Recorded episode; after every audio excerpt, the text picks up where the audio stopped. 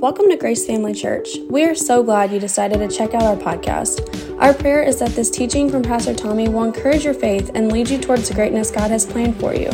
Thanks again for listening. We hope you enjoy this message.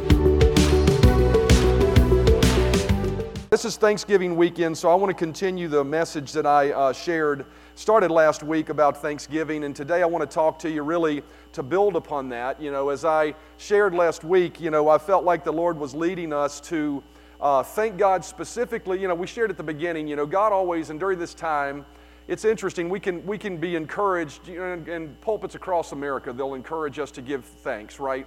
And, and so, uh, you know, it's, and it's appropriate that we do that. Specifically, you know, I was thinking about the fact that to, be, to live in a country where George Washington, at the founding of our country, made a decree that there would be a specific day where we would turn our hearts, and he specifically said to the creator of all things, and actually give thanks. What a blessing to live in a country that does that. So, for us to be able to give thanks for all things is important. But I really felt like the Lord was stressing uh, for me that we needed to not only thank God for all things, but in the midst of thanking Him for all things, thank Him for miracles. Everybody say miracles. And I really sensed uh, that the Lord was leading me to stress that because really over some pr- time of prayer, and you know, I spend time over here praying during the week, and, and, and during that time of prayer, I just really felt the Lord stressing uh, that He wanted to be a God of miracles to us. And I believe that those miracles probably are, uh, He's stressing that because number one, maybe there's folks here that just need a miracle, right? In dire need of God to show up and do something beyond their own ability. Uh, how many of you know the Bible's full of God doing that, right? And, and if, and if, uh, you know, if all we had to uh, lean on was our own resources, then we'd be no different than any other human being that walks the planet without God. But with God, we've got the promise of His miracle working ability. Now, He wants to bring us to a place where we don't have to have a miracle every day, but I will tell you this. Uh, uh, I believe He wants to bring us to a place where we may not need a miracle in our personal lives, but we can start delivering miracles to people who need miracles. Amen? I mean, I believe one of the reasons He wants me to stress that is because I believe He wants this to be a place that is known for if you have a need, you show up and God does something that cannot be mistaken for something from the hand of a man. God literally did something in somebody's life to bring about change and hope and encouragement for them. So I believe that God wants us to do that. And so today, uh, in light of thanking God for miracles, I really want to encourage you. Um, to, in every circumstance and in everything you're going through, let thanksgiving be your song. Let it be the song that comes forth from your lips. And so I want to read to you a couple uh, verses of Scripture, but no matter how difficult the situation is you're facing, no matter how delayed the miracle is that you might be thanking God for, I want to encourage you to not lean towards the complaining and the worrying and fretting side of things, but choose to let thanks come forth from your lips. 1 Thessalonians chapter 5 verse 16 through 18 and Philippians chapter 4 and verse 6. I'm going to read these two verses and then we'll pray and believe God for what he has for us today. 1 Thessalonians chapter 5 says, "Rejoice always, pray continually, give thanks in all circumstances, for this is God's will for you in Christ Jesus. I would say this first before we even pray. If you're wondering what the will of God for you is and you don't know what the will of God for you is, very simply, I'll tell you what to do. Start thanking God you know what the will of God for you is. What do you mean? That, that it's to give Him thanks and praise. If you'll just do that, He'll help you figure out where you need to head and go with your life. Amen? Also says in Philippians chapter 4 and verse 6 do not be anxious about anything or don't worry about anything. But in every situation, by prayer and petition, notice this, with thanksgiving it doesn't say prayer and petition with groaning and moaning and complaining, right? And belly aching. It says, with thanksgiving, present your request to God. Let's pray before we get started. Father, thank you so much for the time we've had in your presence. Thank you so much that you are our Father God that meets all of our needs according to your riches and glory. You bless us. You, you're here to love on us and comfort us and help us. And I thank you that the presence of your Holy Spirit is here right now to lead us and guide us through the message you have for us today. Just make my tongue as a pen of a writer, that you would write upon the people's hearts what it is that they need to hear today. Speak to the situations they're dealing with and help them so that we can say we are better because we came to church today. I give you praise and thanks for that in Jesus' name. Amen. I want you to notice in these verses, we're told, uh, if you notice, uh, if you got them both up there, go back to the first one. Notice what it says, or, yeah, that one. It says, Rejoice always, pray continually, give thanks in all circumstances. Everybody say, in all circumstances. And then Philippians 4 6 says, But in every situation, everybody say, in every situation, give thanks. So, th- what that verse tells us is that no matter what we're going through, no matter what we're thinking, the song that comes from our lips should be a song of praise. The words that come from our lip should be words of thanksgiving to God, right? It says in every situation. Now, notice what it doesn't say. It doesn't say, for all things give thanks.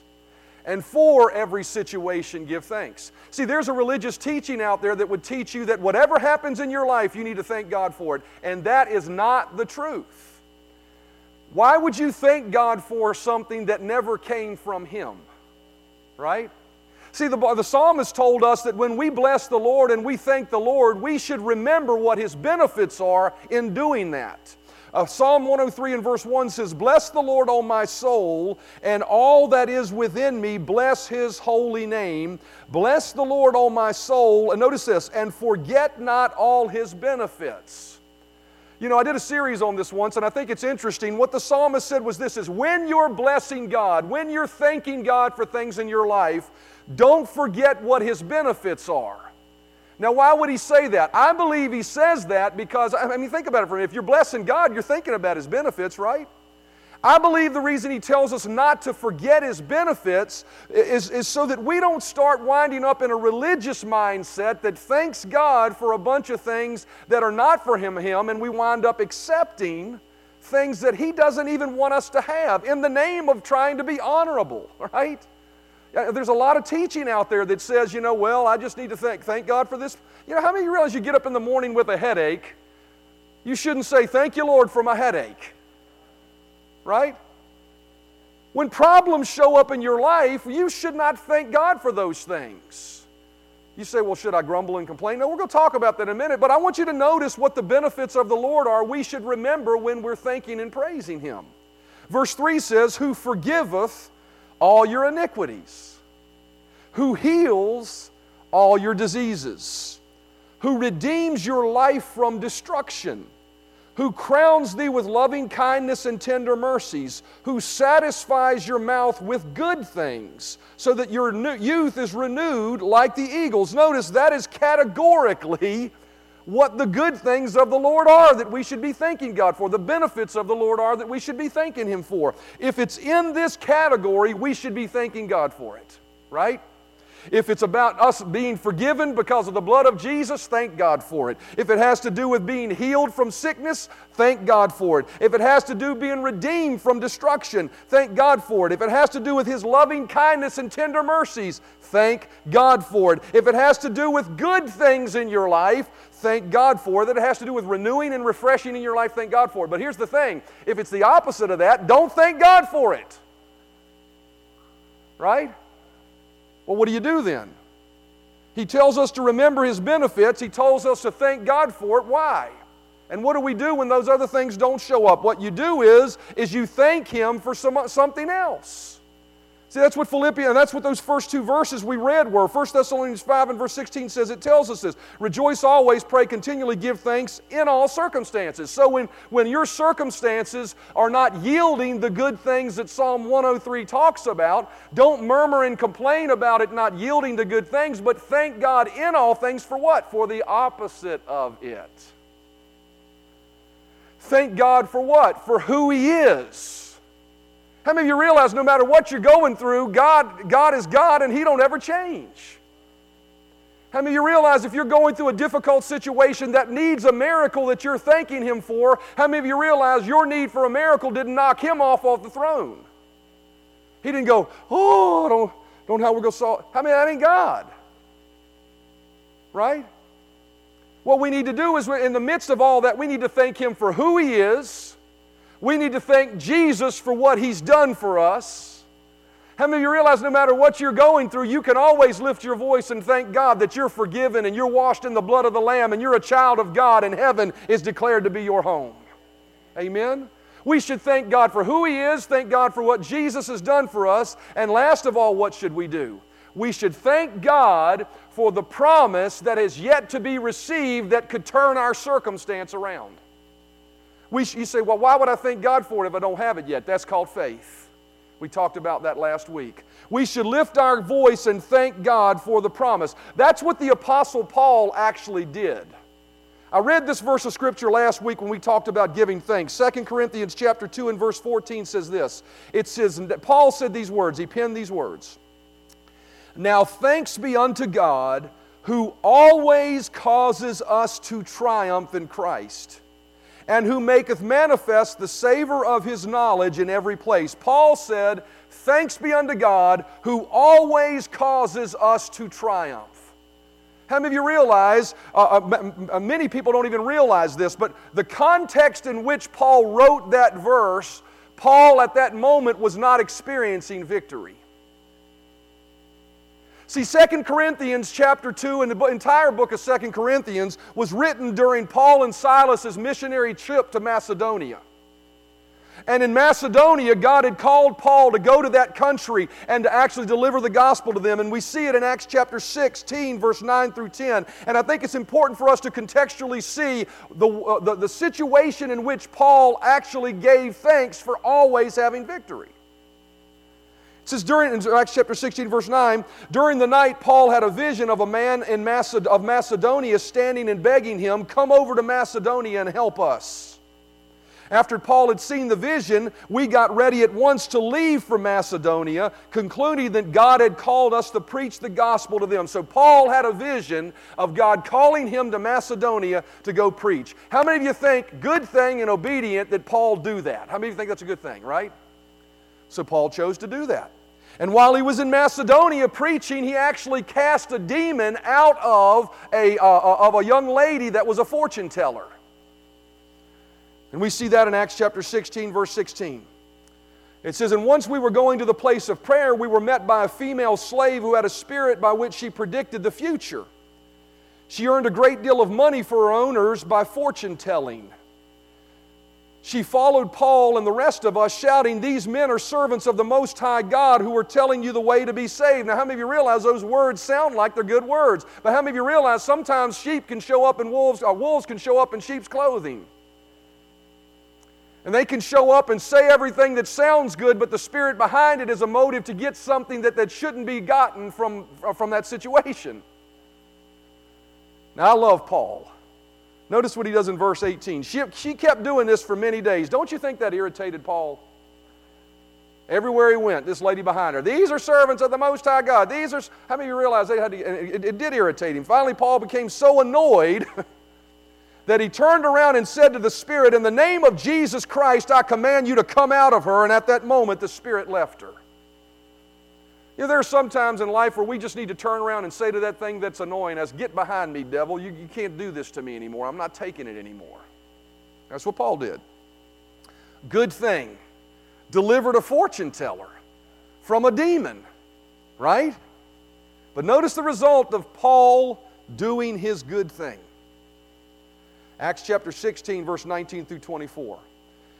When her owners realized that their hope of making money was gone, uh, you mess with people's money, you, you, you get troubles, right? They seized Paul and Silas and dragged them into the marketplace to face the authorities. They brought them before the magistrates and said, These men are Jews and are throwing our city into an uproar by advocating customs unlawful for us Romans to accept or practice. Now, that's a lie. The crowd joined in the attack against Paul and Silas. Notice this. And the magistrates ordered them to be stripped and beaten with rods. and when they had been severely flogged, not just, you know, a little whipping here or there. You know, you ever have your mama go get the switch and you always brought back the little teeny switch? And it was one little whack and you're like, glad that was over. That's not what Paul got. Stripped and beaten. This, this is not a make believe story. This really happened to Paul. Stripped and beaten, and then been severely flogged. They were not only flogged, now they're thrown into prison, and the jailer was commanded to guard them carefully. And he received the, these orders. He put them in the inner cell and fastened their feet in the stocks. So here's the situation Paul and Silas following God, doing what they can do, and all of a sudden, out of the good they did, this is what they got for it. Now, I don't know about you, I haven't been severely beaten and flogged before. But how many of you just been going along trying to serve God, do what you want to do, just trying to honor Him, and all of a sudden all hell breaks loose in your life? How many of you last week maybe heard the story about God being a God of miracles? You start thanking God for miracles, and it seems like the exact opposite shows up.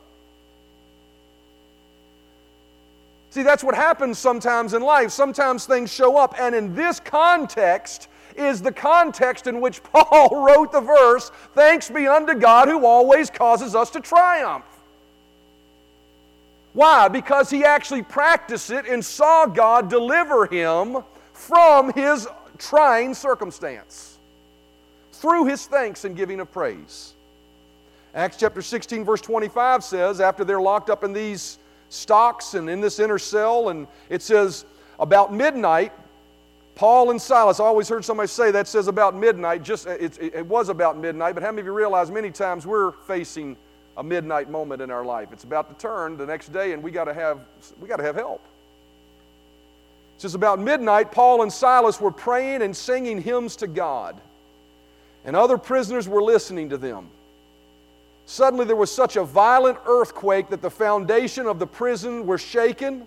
At once, all the prison doors flew open and every chain came loose. How many of you realize that really happened? Everybody say a miracle. See, when we're thanking God for miracles, many times everything around us could be looking like everything but a miracle. It could be looking like everything the opposite of what we're thanking God for. But what Paul and Silas did was they chose to take a thank God anyway mindset. You know what a thank God anyway mindset is? I mean, that ought to be a phrase that just comes out of your mouth. When, when bad things happen, the first thing out of your mouth, oh, thank God anyway. Not all, thank God anyway. Right?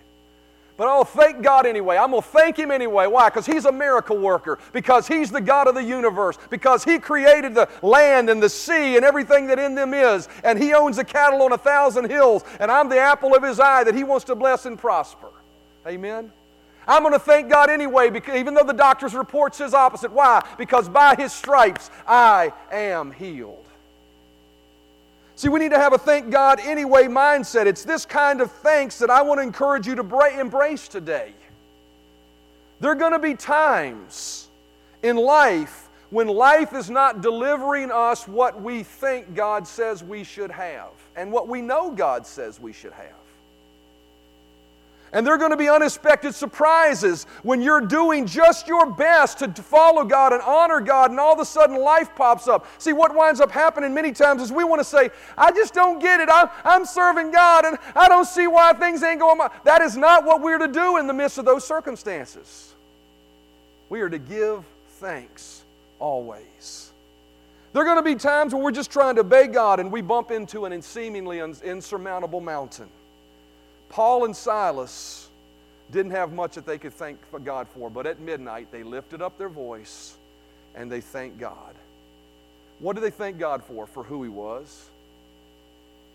You can always thank God for who He is. And I got to tell you, when you begin to thank God for who He is, you begin to realize He's bigger than the problem you're facing. See, many people think their problem is so big because they're spending way too much time focusing on their problem instead of spending more time focusing on their God. Because as you begin to focus on your God, you will recognize He is greater than your problem. He is great and He does miracles so great. Amen? Amen. I want to encourage you to think, to embrace a thank God anyway mindset. That no matter what happens in your life, you won't murmur and complain that you will thank God anyway. You'll develop I could, uh, uh, almost an I could care less attitude about the attack. I mean, Zach, we're talking um, about a certain situation where, you know, one of my uh, teachers founded the Bible school I went to, Kenneth Hagin. There was, there was a certain thing that his wife said to him, if this happened, I don't think you'd even care. And he said, you wouldn't. I wouldn't. Why wouldn't he care? Not because he doesn't, isn't compassionate, but he wouldn't care because we know that God is bigger than anything that would happen in our life. We really need to, you know, I almost said we need to develop bumper stickers for our car churches around here that says we're Grace Family Church and we don't care.